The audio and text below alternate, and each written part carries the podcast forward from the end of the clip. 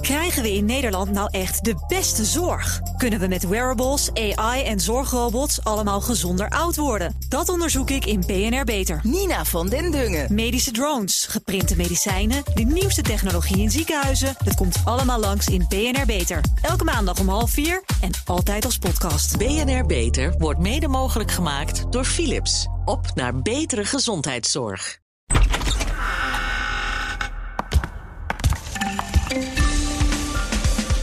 Hallo Sophie. Hey, dag Paulien. Hoi, het is allemaal gelukt. Uh, zijn er al ministers binnen? Ja, Hoekstra is al binnen. Ik zag net ook Rutte voorbij lopen, maar die liep heel snel door. En uh, voor de rest uh, verwacht ik iedereen voor een uurtje of tien. Voor de eerste ministerraad weer. Ja. Sinds de zomervakantie. Nou ja, zomervakantie. Het, het is nog steeds zomervakantie. Nou ja, reces, ja. Maar, ja. maar eigenlijk ook niet. Nee, we, we zijn hier vandaag officieel uh, vanwege de begrotingsraden. Die gaan beginnen de komende twee weken, de voorbereiding voor Prinsjesdag. Um, ja, welk geld gaan we uitgeven? Hebben we nog wel geld? En ik weet niet of je het hebt gezien, Polly, maar die cijfers van CBS die vandaag ja, binnen, die waren niet zo goed. Die waren niet zo goed. Min 8,5 procent krimp in het ja. tweede kwartaal. Ja, is natuurlijk logisch, hè, vanwege de coronacrisis. Ik denk dat het daar ook wel over gaat nu hier op Algemene Zaken. Dit was dus al gepland eigenlijk, deze ministerraad. Begrijp ik dat goed? Dit is niet een uh, spoedbijeenkomst vanwege de coronacrisis. Dit is gewoon, zoals elk jaar, bijpraten voordat je de, de onderhandelingen ingaat. De ja. laatste twee weken van augustus. Voordat je gaat bepalen uh, wat we op Prinsjesdag presenteren aan, uh, aan, aan geld, aan pakketten. Dus uh, ik kom natuurlijk wel heel veel bij, anders bij kijken dit jaar. Want we zitten wel in, in een hele bijzondere situatie.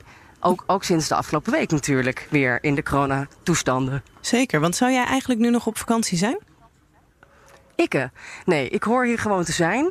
Ik, ik volg ook wel uh, de Hoekstra en Koolmees en, en de ministeries uh, over het geld. Dus ik, uh, ik vind het altijd wel fijn om hier rond te hangen en een beetje op te vangen.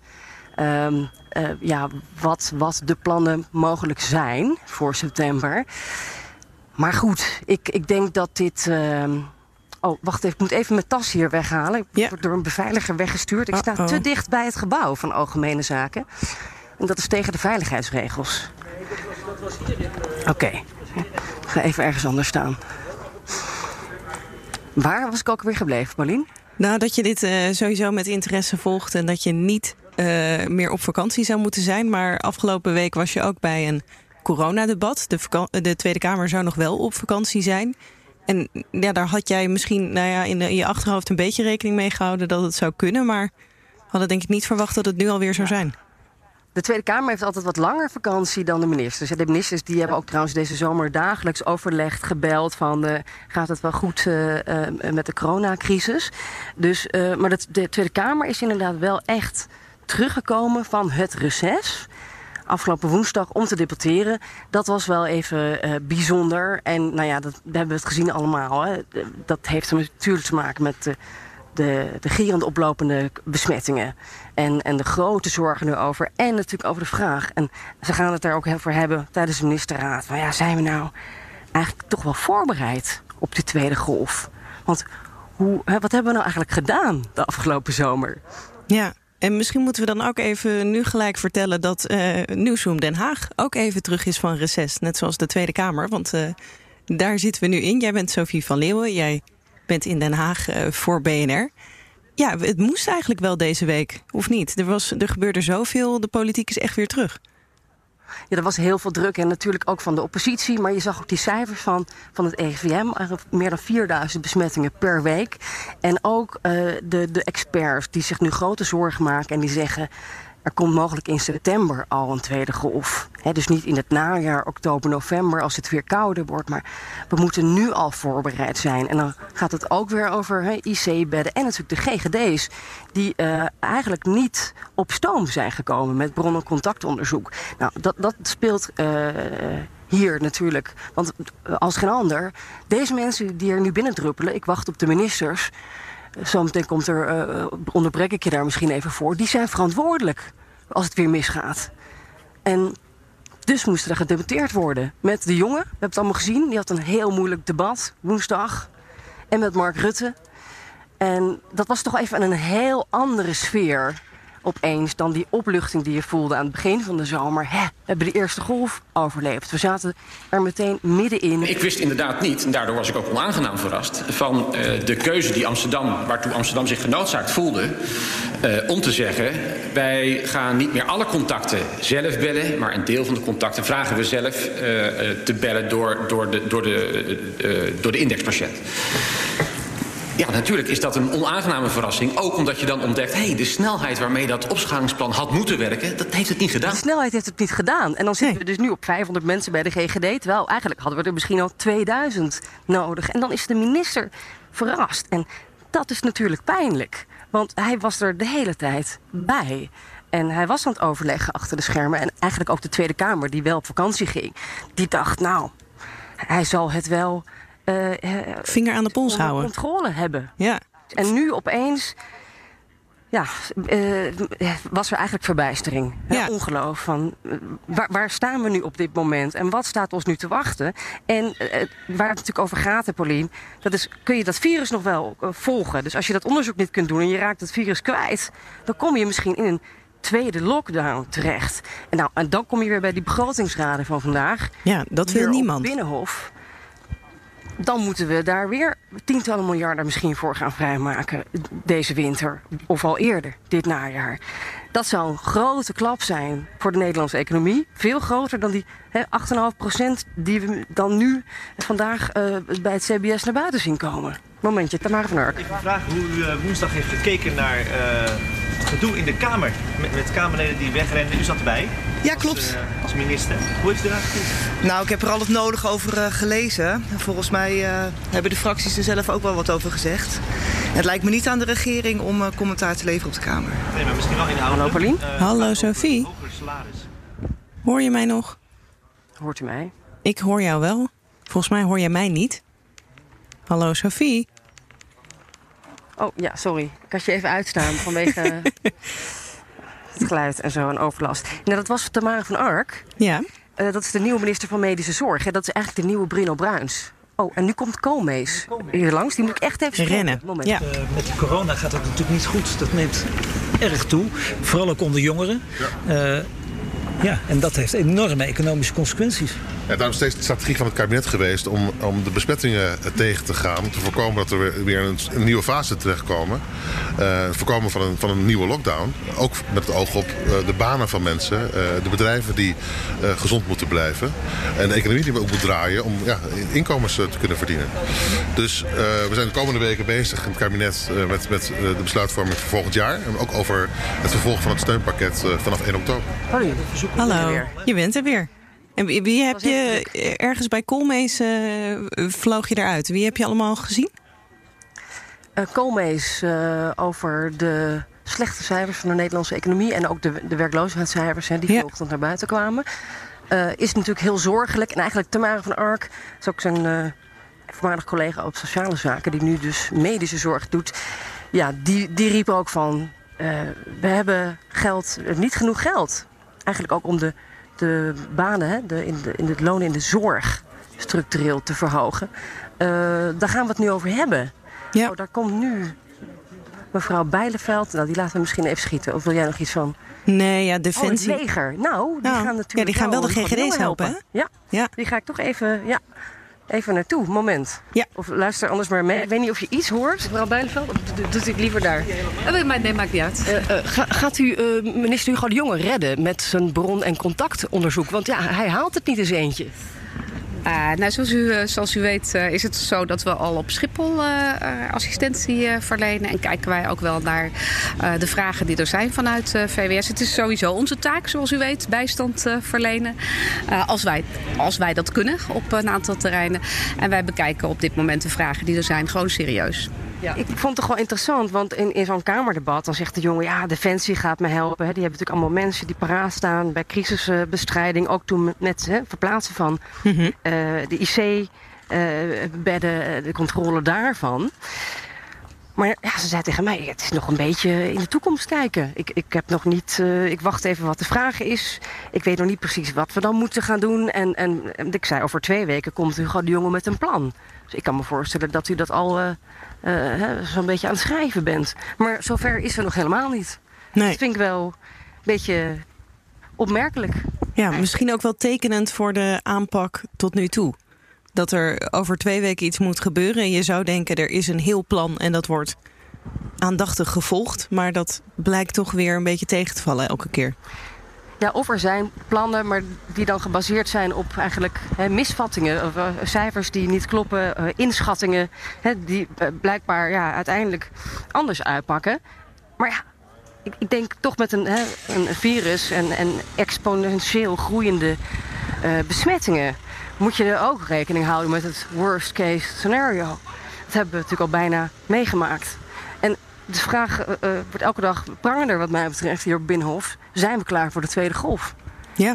En wat gaat het kosten? Dat is dan de vraag hè, vandaag hier ook achter de schermen. Is Hugo de Jonge eigenlijk al binnen of is hij binnengesneakt?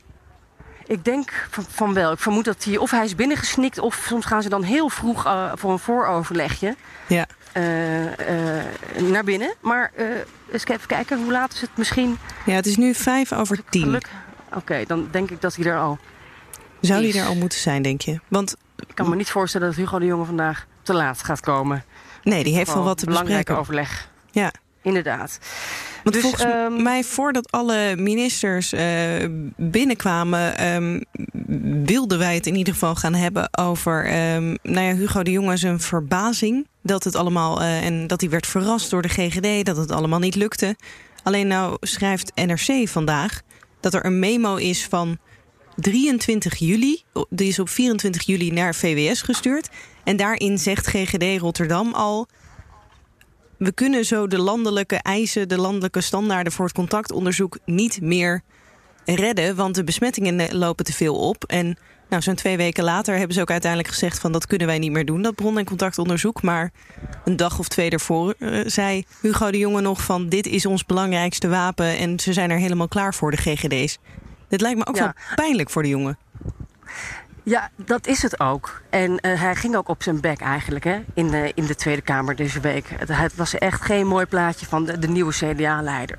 Maar het is ook wel een beetje typerend voor, zoals we hem hebben gezien, de afgelopen tijd. Uh, chef corona, eigenlijk altijd een paar stappen vooruit denken en, en een oplossing roepen, terwijl het, het plan nog niet af is. Uh, zoals met de app bijvoorbeeld. Uh, het ging alleen nog maar over de app. En, en, en daar gaan we de crisis mee bestrijden. En in de praktijk blijkt dat niet te lukken of maandenlang te duren. Uh, of nog, nog in ieder geval voorlopig nog geen oplossing te zijn. Het is een beetje wishful thinking wat hij soms lijkt te doen. En hij communiceert heel erg van daar gaan we heen. Ik ben in control. Net als met de GGD's. Als dat uh, uiteindelijk niet zo blijkt te zijn. Niet, uh, niet blijkt te kloppen. Ja, dan komt er een dag dat je een beetje door de mand gaat vallen. Ja. En uh, op zo'n uh, kantelpunt komen we zo langzamerhand een beetje. En dat wordt heel spannend, denk ik, voor, voor hem, ook voor het CDA, maar ook voor het kabinet. Of hij wel waar kan maken, hè, die, die stoere praatjes eigenlijk, die, die tot nu toe toch ja, die, die heeft beloofd. En in dit geval is het nog extra pijnlijk, omdat op het moment dat hij het beloofde, hij niet alleen niet wist of het zou gaan lukken, maar hij ook al in ieder geval het ministerie binnen had waarschuwingen dat het niet ging lukken dan is het wel heel, heel erg brutaal om dat dan te gaan beloven als je al weet dat de GGD's twee weken geleden hebben gezegd van nou ja, het lukt ons niet meer. En toen waren de besmettingen nog, nou ja, twee, twee, twee verdubbelingen eerder was dat. Ja, ik denk dat we het vandaag hierover gaan hebben, Paulien, naar afloop. Want ze komen straks allemaal naar buiten ja. weer na de vergadering, uh, naar de ministerraad, de eerste na de zomer. En ja, dan moet hij het gaan gaan uitleggen. Maar ja, dit is ook politiek, hè? Uh, ja. Het gaat ook over gezichtsverlies, over uh, ja, in control willen zijn. Uh, hij is de baas, hij is de eindverantwoordelijke. En we hebben gezien wat er met Bruno Bruins is gebeurd dit voorjaar. Die toen verantwoordelijk was en, en uiteindelijk gewoon letterlijk omviel in de Tweede Kamer. Ja. Toen, toen het uit de hand liep. Uh, ik, ik, mag hopen dat het zover niet komt. Maar er zijn grote zorgen, natuurlijk bij hem. Ik denk dat er best uh, veel stress is hier. Je zag het net ook bij Wouter Koolmees, die zich ook zorgen maakt over de oplopende besmettingen. Hij wil het woord tweede lockdown nog niet in de mond nemen. Maar natuurlijk is dat waar iedereen nu aan denkt. Gaan we, gaan we nog veel, vele eh, miljarden in deze economie pompen? Gaat, ga, Ja, is het nog een keer nodig? verliezen? Ja. Is het nog een keer nodig? Daar gaat het allemaal over nu hier in Den Haag. En ik, ik vind het eh, heel spannend ook, Ja. ik je zeggen. Ik denk dat we de uitloop van de ministerraad, die gaan we straks niet meer redden. Hè? Hoe laat is dat normaal gesproken? Want wij nemen nu eh, iets na tienen vrijdagochtend op. Ehm, vaak eh, ergens in de middag na de lunch. Meestal eten ze nog samen een, eh, een broodje of, Ja, dan laten ze iets bezorgen. Eh, Ik heb wel gehoord dat hij vroeg klaar is vandaag. Aan de andere kant, er is genoeg te bespreken. Dat Dus denk ik ook. Want laten we dan het niet halen. Nee. maar dat kunnen mensen, dat, dat komt vast breed uit in de media, wat daar allemaal op gezegd wordt. Laten wij dan nog even terugkijken naar inderdaad ook dat debat, want dat was toch wel een beetje het politieke moment van deze week. De jongen die werd dus heel hard aangepakt en je zei ook al, die viel een beetje door de mand. Maar wat dan opvallend is, is dat Rutte is toch ook verantwoordelijk voor dit hele beleid. Waar, hoe bleef hij buiten schot? Ik vond, eh, als je hem zag zitten, ik zat op een gegeven moment op, eh, op het eh, balkon van de plenaire zaal, was hij fysiek afwezig. Hij nam afstand eigenlijk van zijn collega, waar hij tot nu toe samen mee op is getrokken. Eh, de eerste golf eh, succesvol eh, eronder heeft gekregen. Hij was afwezig, eh, trok zich terug eigenlijk. En het leek erop alsof hij dacht, laat de, CDA maar, eh, de CDA-leider maar, maar dit probleem even oplossen. Ehm, ik ben er niet. En je zag ook in de Kamer eh, opvallend dat de VVD, Heike Veldman, ook fel erin ging en, en de jongen hard aanviel. Ehm, met name op het bron- contactonderzoek op de GGD's, dat het onvoldoende is. Dus het is alsof de campagne is begonnen eigenlijk ook tijdens dit debat in Den Haag. We waren een eenheid eh, tot de zomer en nu eh, staan we in de startblokken voor de verkiezingen van maart 2021. En eh, zie je ook dat partijen als VVD en CDA concurrenten van elkaar zijn. En eh, misschien nou ja, elkaar ook wel onderuit moeten halen. En dat ga je straks ook zien in de campagnedebatten natuurlijk. Eh, ook opvallend, eh, die motie van D66 ehm, tegen de, de quarantaineplicht. Zoals het kabinet hem plotseling hè, uit een hoge hoed toverde. D66 is een regeringspartij. Die ging er vol in en liet het kabinet keihard vallen. Dat is opmerkelijk in Den Haag. Hè? Dat je dat spel zo eh, hard speelt. En ook een teken dat de eenheid nu weg is. En dat we ons klaarmaken voor een keiharde campagne. En dan is het dus spannend of Rutte eh, de, de gedoodverfde winnaar blijft. Hè? Ja. Want tot nu toe zag je dat in de peilingen. Dat hij het heel goed deed. Gaat hij dat volhouden? Daarmee bedoel ik niet dreigen met dwangsommen en straffen. Het bericht gisteren kwam over als een bliksemafleider. Kunnen we niet verleiden in plaats van dreigen met de rechter? Ja, dat is voor een coalitiepartij inderdaad harde taal. Hebben ze dat dan niet onderling overlegd eerst? Van dit gaan we doen en staan jullie erachter, want straks is er dat debat. Nou, in de coronacrisis zie je dus eigenlijk dat het kabinet nogal autonoom eh, een stap naar voren zet. En omdat ze hebben zo weinig tijd. Hè, en ook met in de ambtenarij, in het proces. eh, even overleggen en pasboom, persconferentie. De Kamer wordt nauwelijks geïnformeerd. Vaak op het laatste moment krijgen dan die, die, die fractieleiders nog even een belletje. Vlak van tevoren, dit gaan we doen. Nou, in dit geval was het, die brief kwam de avond ervoor, kwam binnen. En eh, ze zullen Rob Jetten gebeld hebben, maar ze, die voelden zich toch overvallen en hebben waarschijnlijk gedacht: ja, A, eh, misschien eh, zijn we het hier helemaal niet mee eens. We laten nu niet meer over ons heen lopen, zoals de afgelopen maanden. En B, ja, dus we moeten ons ook positioneren in de Kamer, denk ik, als een kritische partij. en misschien ook niet, die dan misschien niet de verantwoordelijkheid van zo'n tweede golf in de schoenen geschoven wil krijgen. Dat Ja. soort belangen spelen natuurlijk ook bij een regeringspartij als D66. Komt er weer iemand? Absoluut, Hugo de Jonge. Ja. Moment.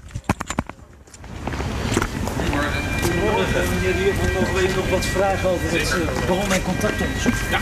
Ja, eh, NSC komt met een opmerkelijke onthulling dat uw ministerie in eh, juli, er staan twee daten in 23 en 24 juli, dus ik maar op juli, al gewaarschuwd is door de GGD Rotterdam dat het uit de klauw ging lopen. En, eh, ja, in de Kamer zei u wat anders en in het interview vrijdag. Nou, het is een beetje anders gegaan. Uh, naar aanleiding van vragen van NRC hebben we even uitgezocht gezocht hoe, dat, hoe, dat, hoe dat zat. Kijk, u moet zich voorstellen, we krijgen natuurlijk alle dagen heel erg veel signalen. Uh, departementen werken honderden mensen. Die zijn alle dagen zijn ze bezig met al die mensen in het land die de crisis moeten bestrijden. Uh, en we krijgen natuurlijk heel erg veel signalen. En in dit geval is er gebeld door een medewerker van ons, uh, met een medewerker van de GGD in Rotterdam, naar aanleiding van het oplopend aantal besmettingen daar. Van hoe zit het nou precies? Waar zitten die besmettingen nou? En, en, daar is over gesproken. Toen is aangegeven, nou misschien is het handig om even een memootje toe te sturen. Dat heb ik gemaakt voor de eigen besluitvorming hier in de regio. Even ter achtergrondinformatie. Dus op die manier is een memo wat bedoeld is voor interne besluitvorming juist in de regio Rotterdam. En zo hoort dat natuurlijk ook te gewoon te gaan. Dat is inderdaad toegestuurd aan het departement. Uh, dat is ook gelezen en daar stond inderdaad ook een passage in... die refereerde aan het mogelijk moeten aanpassen van het bron- en contactonderzoek. Het was op dat moment nog niet besloten in Rotterdam. Uh, maar die passage refereert daar wel. En dus, dus inderdaad, daar staat wel het signaal uh, dat men dat aan het overwegen was op dat moment. Zeker. Ja, maar waarom gingen toen niet alle alarmbellen af dan? Ja, dat signaal is toen niet opgepikt daaruit. En dat is jammer, natuurlijk. Uh, want dat had ik graag wel geweten. Overigens had het misschien ook beter geweest als de GGD mij daar gewoon over had geïnformeerd. De GGD Rotterdam of de GGD Goor Landelijk mij gewoon over had geïnformeerd. Want dan hadden we namelijk eerder kunnen helpen. Nou ja, het verandert op zich niks aan de huidige situatie. Namelijk het blijft staan dat we in Rotterdam en Amsterdam moeten zorgen dat zo snel als mogelijk weer het bron- en contactonderzoek kan worden uitgevoerd. Uh, op de manier uh, zoals het uh, hoort, op de manier zoals het moet. dat is één. Twee is, ik heb natuurlijk gezegd, ja, dat opschalingsplan dat moet worden versneld. Want dat is nodig. Het moet misschien ook opnieuw worden bekeken van zijn de uitgangspunten, de aantallen in dat opschalingsplan, zijn die eigenlijk wel goed genoeg?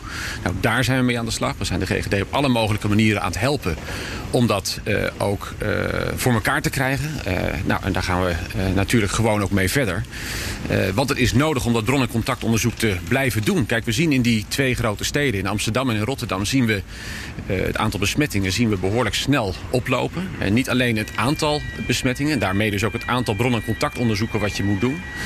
Maar ook zien we dat het aantal contacten in zo'n bron- en contactonderzoek heel snel oploopt. En dat maakt dat zo'n contactonderzoek ook steeds intensiever is, steeds meer tijd kost. En het is wel nodig om dat te blijven doen. Want als je die oploop van besmettingen wilt doorbreken, dan moet je testen. Dan moet je vervolgens traceren wie is besmet. En je moet ook zorgen dat degenen die besmet zijn ook daadwerkelijk in quarantaine gaan. Dat hoort allemaal bij elkaar. Nou, en, uh, uh, dat, dat zullen we dus moeten doen. En dat is een hele hoop werk. Uh, maar daar gaan we wel volop mee aan de slag. Slecht verhaal hoor. Heel slecht verhaal. Ja, en dan, en dan, is het. Ja, maar het maakt verder niemand. Nee, helemaal niemand. Nee. Helemaal, helemaal nee. Ja, als je dan die Hey Paulien. Hallo. Ja, ik hoorde even de rest uh, naast je napraten. Daarover. Ja, dat is grappig hè. Dus de Haagse pers die is nu aan het evalueren wat wij vinden van wat Hugo de Jonge zojuist tegen ons heeft gezegd. Ja, ik hoorde het een beetje op afstand, maar niet zo'n heel goed verhaal, begrijp ik. Ja, ze vinden het hier een slecht verhaal. Nou, het staat in een memo. Iemand heeft gebeld van het ministerie. Met Rotterdam, hoe gaat het daar met ja. besmettingen? Vertel eens, even inventariseren. Zet het even in, in een memo. En dan in die memo staat... Uh, uh, ja, dat, dat dat niet goed gaat met het bronnencontactonderzoek. Dat staat er gewoon in. Dat eigenlijk ja. uh, moet worden opgeschaald. En dat is niet opgepikt door het ministerie. En wat voor verklaring had hij daarvoor? Hij vindt het heel vervelend en uh, ja, hij zegt uh, er komen zoveel signalen elke dag en we werken ons helemaal over de kop en dit hebben we over het hoofd gezien. Hè, dat, dat is jammer. Uh, hij zegt ook ja, maar nou, eigenlijk ja, hadden ze het misschien ook wel even direct aan me kunnen melden. Dat lag niet op mijn bureau. Ik wist het niet. Ja, ik hoorde hem volgens mij nog zeggen voordat je eruit klapte. De GGD had me ook even kunnen bellen. Als, als ik de GGD was, dan zou ik me toch wel een beetje pissig voelen dat ik dan zo wel heb gewaarschuwd. En dat dan de minister zich ermee afmaakt met... ja, nou ja, ze hebben mij niet gebeld, laat maar. Ja, want het ministerie heeft wel gebeld met de GGD in Rotterdam. En we hebben het niet over zomaar uh, een, een, dorpje ergens uh, uh, ver weg in Nederland. We hebben het over de coronabesmettingshaard Rotterdam. He, dat is een, ja. een stad die bovenaan het lijstje moet staan van het ministerie en de minister. Dus ja, dit was een beetje een slecht verhaal volgens de Haagse journalisten die hier na afloop staan uh, eh, te denken: wat, eh, wat moeten we hiermee? Dus ja, jammer. Jammer voor de jongen. En, en ja, toch weer, eh, eh, de vraag werd ook gesteld, eh, eh, het chaotische beeld, hè, waar het over, in het debat ook over ging. Het chaotische beeld van de crisisbestrijding door coronachef De Jonge, dat, dat wordt er niet beter op, op deze manier. Het vertrouwen wordt niet beter op deze manier. En toen zei de jongen, ja, jongens, dit is niet de, de eerste en niet de laatste keer dat dit soort dingen gebeuren en zullen gebeuren. We maken fouten. Nou, toen liep hij naar binnen ongeveer. Ja. Ja, je, fouten maken is natuurlijk menselijk. Maar in dit geval is fouten maken ook wel heel kostbaar. Als in je verspilt kostbare tijd als de GGD niet snel genoeg opschaalt of je signalen mist. Dat kan best wel een impact hebben. Zien we nu ook aan die kwartaalcijfers bijvoorbeeld. Als er weer een lockdown moet komen, dan. Ja, Weken kostbare tijd verspeeld. En dat beaamt hij ook hoor, dat het kostbaar is. Weken verspeeld eh, door eh, niet opletten tijdens het zomerreces. We weten niet precies. Ja, nou ja, goed, eh Paulien, het is, eh, het is geen mooie beurt. Nee. Wederom, helaas. En als die, ehm, want we zien hier aan ook dat, eh, nou ja, los van de fouten die er dan worden gemaakt, maar dat ook de politiek echt terug is. En dat Rutte zich een beetje distancieert van de jongen en dat de jongen een beetje het zwarte schaap wordt. Als er nou wel, ehm, we zijn er te laat bij en er komt een tweede golf, of in ieder geval die besmettingen blijven maar toenemen. Kan je dan wel ehm, in de aanloop zitten naar een verkiezing? En dus dat politieke spelletje hebben, maar aan de andere kant met een crisisteam proberen dit te bestrijden. Dat lijkt me zo lastig samen. Ja, dat is het ook. Dat is het ook. Maar ik verwacht wel dat het dit keer politieker zal worden dan hè, bij de eerste golf. Ook omdat we dit nu niet voor het eerst meemaken. We, we hadden het kunnen weten. Hè. We, we, we zijn voorbereid. We, we hadden ons kunnen voorbereiden. Eh, misschien komt het niet zo ver, Paulien, want de jongen zegt we gaan als een gek opschalen. En eh, hij zei trouwens eh, dat het leger er al mee begonnen is. Terwijl ik net van minister Bijleveld van Defensie hoor dat het leger nog niet begonnen is met GGD's helpen. Maar ehm, Ja, ze staan ja, natuurlijk wel op Schiphol ook, hè? Sta, dus misschien Ja, bedoelt hij dat. Dat wel. Ja. Ik, waarschijnlijk verwijst hij daarnaar. Dus ehm, ja, dit, dit, dit, gaat, dit gaat natuurlijk politiek worden. En het wordt, dit zal keihard worden gespeeld, eh, eh, vermoed ik in ieder geval sowieso vanuit. Dat hebben we gezien, de plenaire zaal in de Tweede Kamer. Daar eh, is de politiek helemaal terug. En hiermee zijn we aan het einde van deze Nieuwsroom Den Haag. Eventjes terug van reces dus. En Sophie van Leeuwen op haar vertrouwde plek bij de ministerraad in Den Haag. En ik heb mezelf volgens mij niet geïntroduceerd aan het begin. Ik ben Pauline Huuster. En maandag is er weer een andere presentator van Nieuwsroom. De komende twee weken neemt Martijn de Rijk het stokje over. En hem kan je natuurlijk ook mailen met reacties. Nieuwsroom.bnr.nl of nieuwsroom.fd.nl. Hij is er maandag weer met een verse normale Nieuwsroom. Dus van mij een heel fijn weekend. En namens Martijn heel graag tot maandag.